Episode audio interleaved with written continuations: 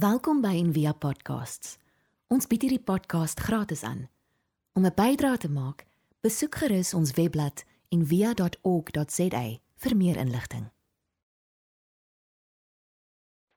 Ons gaan die volgende paar weke gesels oor die woord gewaarwording. Nou die afgelope dekade is daar baie soortgelyke woorde wat gebruik word wat jy baie hoor, soos awareness, bewuswording of om teenwoordig te wees of om by jouself te wees of om mindful te wees. Alles woorde wat dalk iets sê van hierdie kultuur waarbinne ons lewe. Wat wat wat doen is hierdie onversadigbare stimulering en dan ook geraas. 'n Navorsing wys vandag wat doen dit aan ons brein? Dis kern kern ongesond. En daarom is daar soveel bewegings en idees van hulnis en goed om te sê hoorie maar wil jy nie na jou innerlike wêreld toe gaan en dit net herrangskik. So die woord gewaar wording gewaar ek sien en dan word ek want dis die probleem ons almal is moeg ons almal is oorwerk is te veel ons kan dit nie regtig sien nie want as ons regtig moet sien wat ons doen sal ons dadelik stop want ons betaal die prys gewoonlik baie laat. So gewaar wording wat ek sien is wat ek word. So Jesus sê in Matteus 6 vers 22 Die lamp van die liggaam is die oog en as die oog reg is, is die hele liggaam verlig.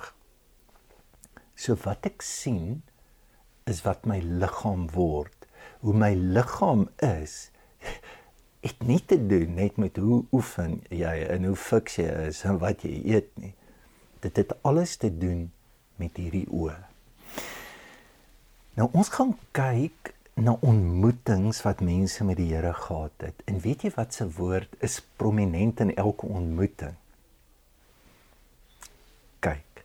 So ons gaan die volgende paar weke kyk hoe ons sien van God of ons sien van die teenwoordigheid van God ons help om ook teenwoordig te wees vir onsself en dan ook vir ander. Dis die vraag, sene, maar wat is die teenwoordigheid van God? Hoe werk die teenwoordigheid van God?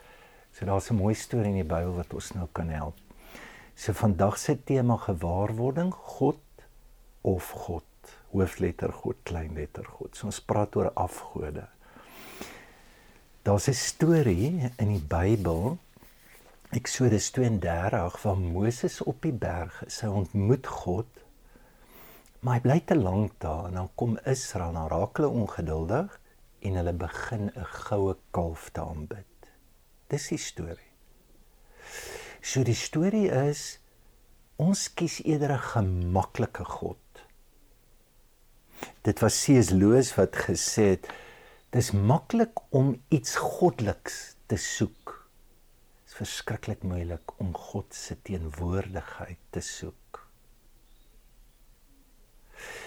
Johannes sê dit so in 1 Johannes 5 vers 22: My kinders, bewaar julle self van afgode. So kom ons kom nader in die woord vir so wat wat presies is 'n afgod of kom ons sê hoe bewaar ek my? Jy kan jou net bewaar as jy dit sien. sien jy dit? Want as jy dit sien, sal jy soos in dadelik stop. As ek nou oor die pad loop en hier kom 'n kar of 'n bus en ek loop so En ek sê net o Here bewaar my, o Here bewaar my, bewaar my. Wat gaan gebeur? Die bus gaan jou omry. Maar as ek sê en ek kyk dan gaan die bus my nie omry nie. Dan kan ek eerder bid se baie beter gebed, Here, dankie dat ek die bus gesien het. As net om blindelings sê, Here bewaar my, bewaar my. So, wat is hierdie busse wat aankom? Net so 'n paar uit die storie in Eksodus 32 hulle raak ongeduldig. Kyk, ons lewe in 'n kultuur wat jy wat nie meer kan wag nie. En ek moet sê ek is ook so ek ek haat hierdie ou movies wat dit vat so lank. Jy weet jy ou sy vleis braai, dan moet hy met hulle 3 keer wys. Ek sit gewoonlik die flieks op 1.5, laat ons net bietjie vinniger gaan.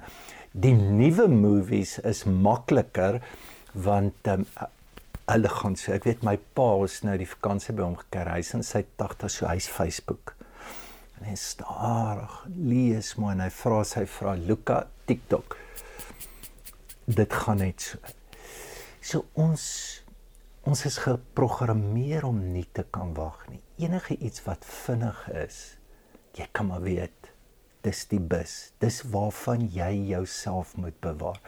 As jy die teenoorgestelde lewe dan sal jy val na stilte, na afsondering, na stop toe. Die tweede ding wat ons leer is dat aanbidding gaan nie regtig oor 'n beeltjie nie. Hierdie is nie 'n Boeddha beeltjie wat hulle aanbid nie. Dit gaan Tim Keller het gesê, dit gaan oor die kondisie van jou hart. So wat bedoel ek by dit? So enige iets wat ons sien verteenwoordig iets. So as ek Toyota sien, dan kan ek baie goed ek koop hom nie omdat dit Toyota is, maar omdat hy iets verteenwoordig soos betroubaarheid. En so agter elke verlange in ons lewe is daar soort van 'n psigiese behoefte. Ek wil 'n huis bou. Nie net ter wille van 'n huis bou ek soek dalk sekuriteit. Dis die se behoefte. Of ek bou twee onthaalkamers, hoekom? Want ek het 'n behoefte aan koneksie. Ek het dit dalk nie gehad toe ek jonger was nie. So 'n diep psigiese behoefte dryf ons en vorm ons harte.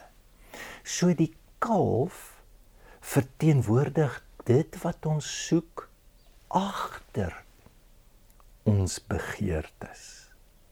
Dis dit. En Tim Keller noem dit inordinate attachments om om om buitensporig verbind te word in my hart aan goed om om my totale toewyding vir dit te gee. En hierdie ding is nie noodwendig sleg nie. Dit kan godsdienst wees. Soos hierdie hele storie is godsdienst. Die kalfs nie sleg nie.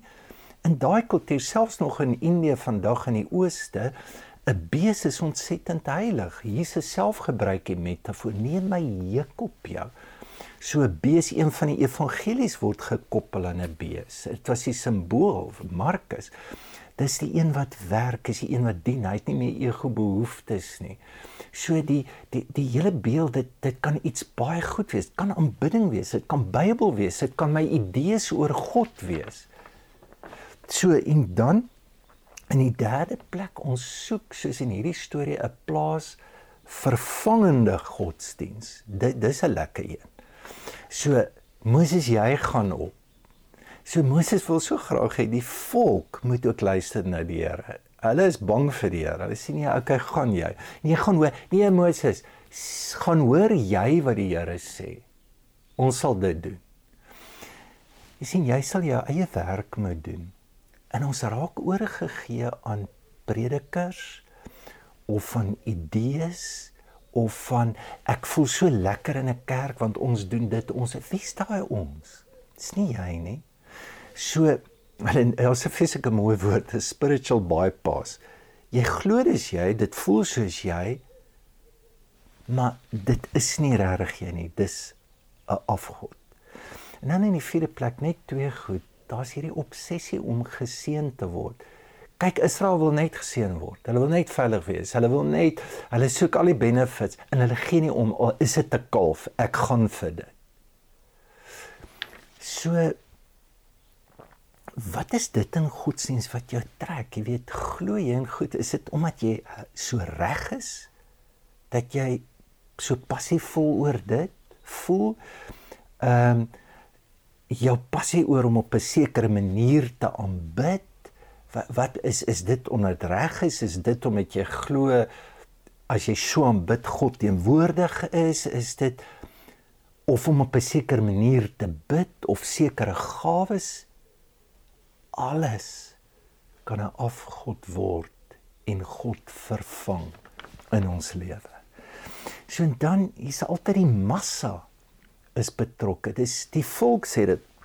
Kyk, Moses verloor dit. Hy kom maar af, hy gooi sommer die 10 gebooie stuk. Sy broers skrik om dood aan Aaron. Hy sê moenie vir my kwaad wees nie asseblief nie. Maar Moses vat hom vas. Hoekom? Kyk, hoekom laat jy dit toe? Hy sê nee, maar hulle wou dit gehad het en en en, en dan sê hierdie woorde en jy weet hoe sleg is hulle. So hy's ook nou nie van die grootste karakters wat daar is nie. Jy weet. Maar iets Moses is 'n profeet. Hy gooi die gebooie stuk in. Ek jy weet daar daar moet 'n heilige woede in ons kom want dis die vernietiging van Israel. Dit dis wat 'n afgod doen. Hy spaar jou nie.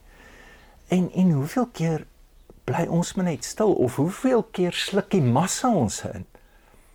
Don't let the world squeeze you into its mold. Romeine 12 vers 2.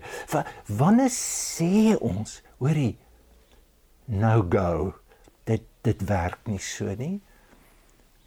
En baie keer is dit stemme buite die kerk waarna ons moet luister. Dink maar net aan kommentaar wat wat Banksy byvoorbeeld al gedoen het oor verbruikerisme, oor greed of um, Barbara Creer se werke oor hierdie obsessie. Ons voel net nooit spesiaal genoeg nie en dit is dit's dis 'n manier en dankie Here vir die kunste om te sê hoor jy ons slaan ons gooi ons tafels ons gooi ons gebooie stukkend ons kan nie so aangaan nie.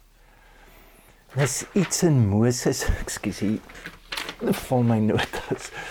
Uh Daar's iets in Moses wat verskriklik mooi is. Hy kies nie die kalf nie. Hy wil by God wees. En hy sê hierdie woorde, ek wil die Here sien. Nou moet jy vra my, het hy nie die Here gesien nie? Hy het al. Bro, hy het sien hoe gaan nie gaan die rooi see oop. Jy sien, daar's groot verskil oor die werke wat die Here doen en die Here self. So hy aanbid nie die werke wat die Here doen. Baie mense aanbid wonderwerke. Hy wil by God wees. En dan ek sluit nou af met hierdie mooi gedeelte. So Paulus, hy reflekteer nou oor wat daar gebeur het en hoor hoe mooi sê dit in 2 Korintiërs 3:16. Whenever though they turn to face God as Moses did, God removes the veil and there they are, face to face. Then suddenly recognize that God is a living, personal presence, not a piece or of chiseled stone. And when God is personally present, a living spirit, that old, constricting uh, legislation is recognized as absolute. We're free of it. All of us, nothing between us and God. Or faces shining with brightness of his face, and so we are transformed much like the Messiah. Our lives gradually becoming brighter and more beautiful as God enters our lives and we become like. So ongelooflik mooi.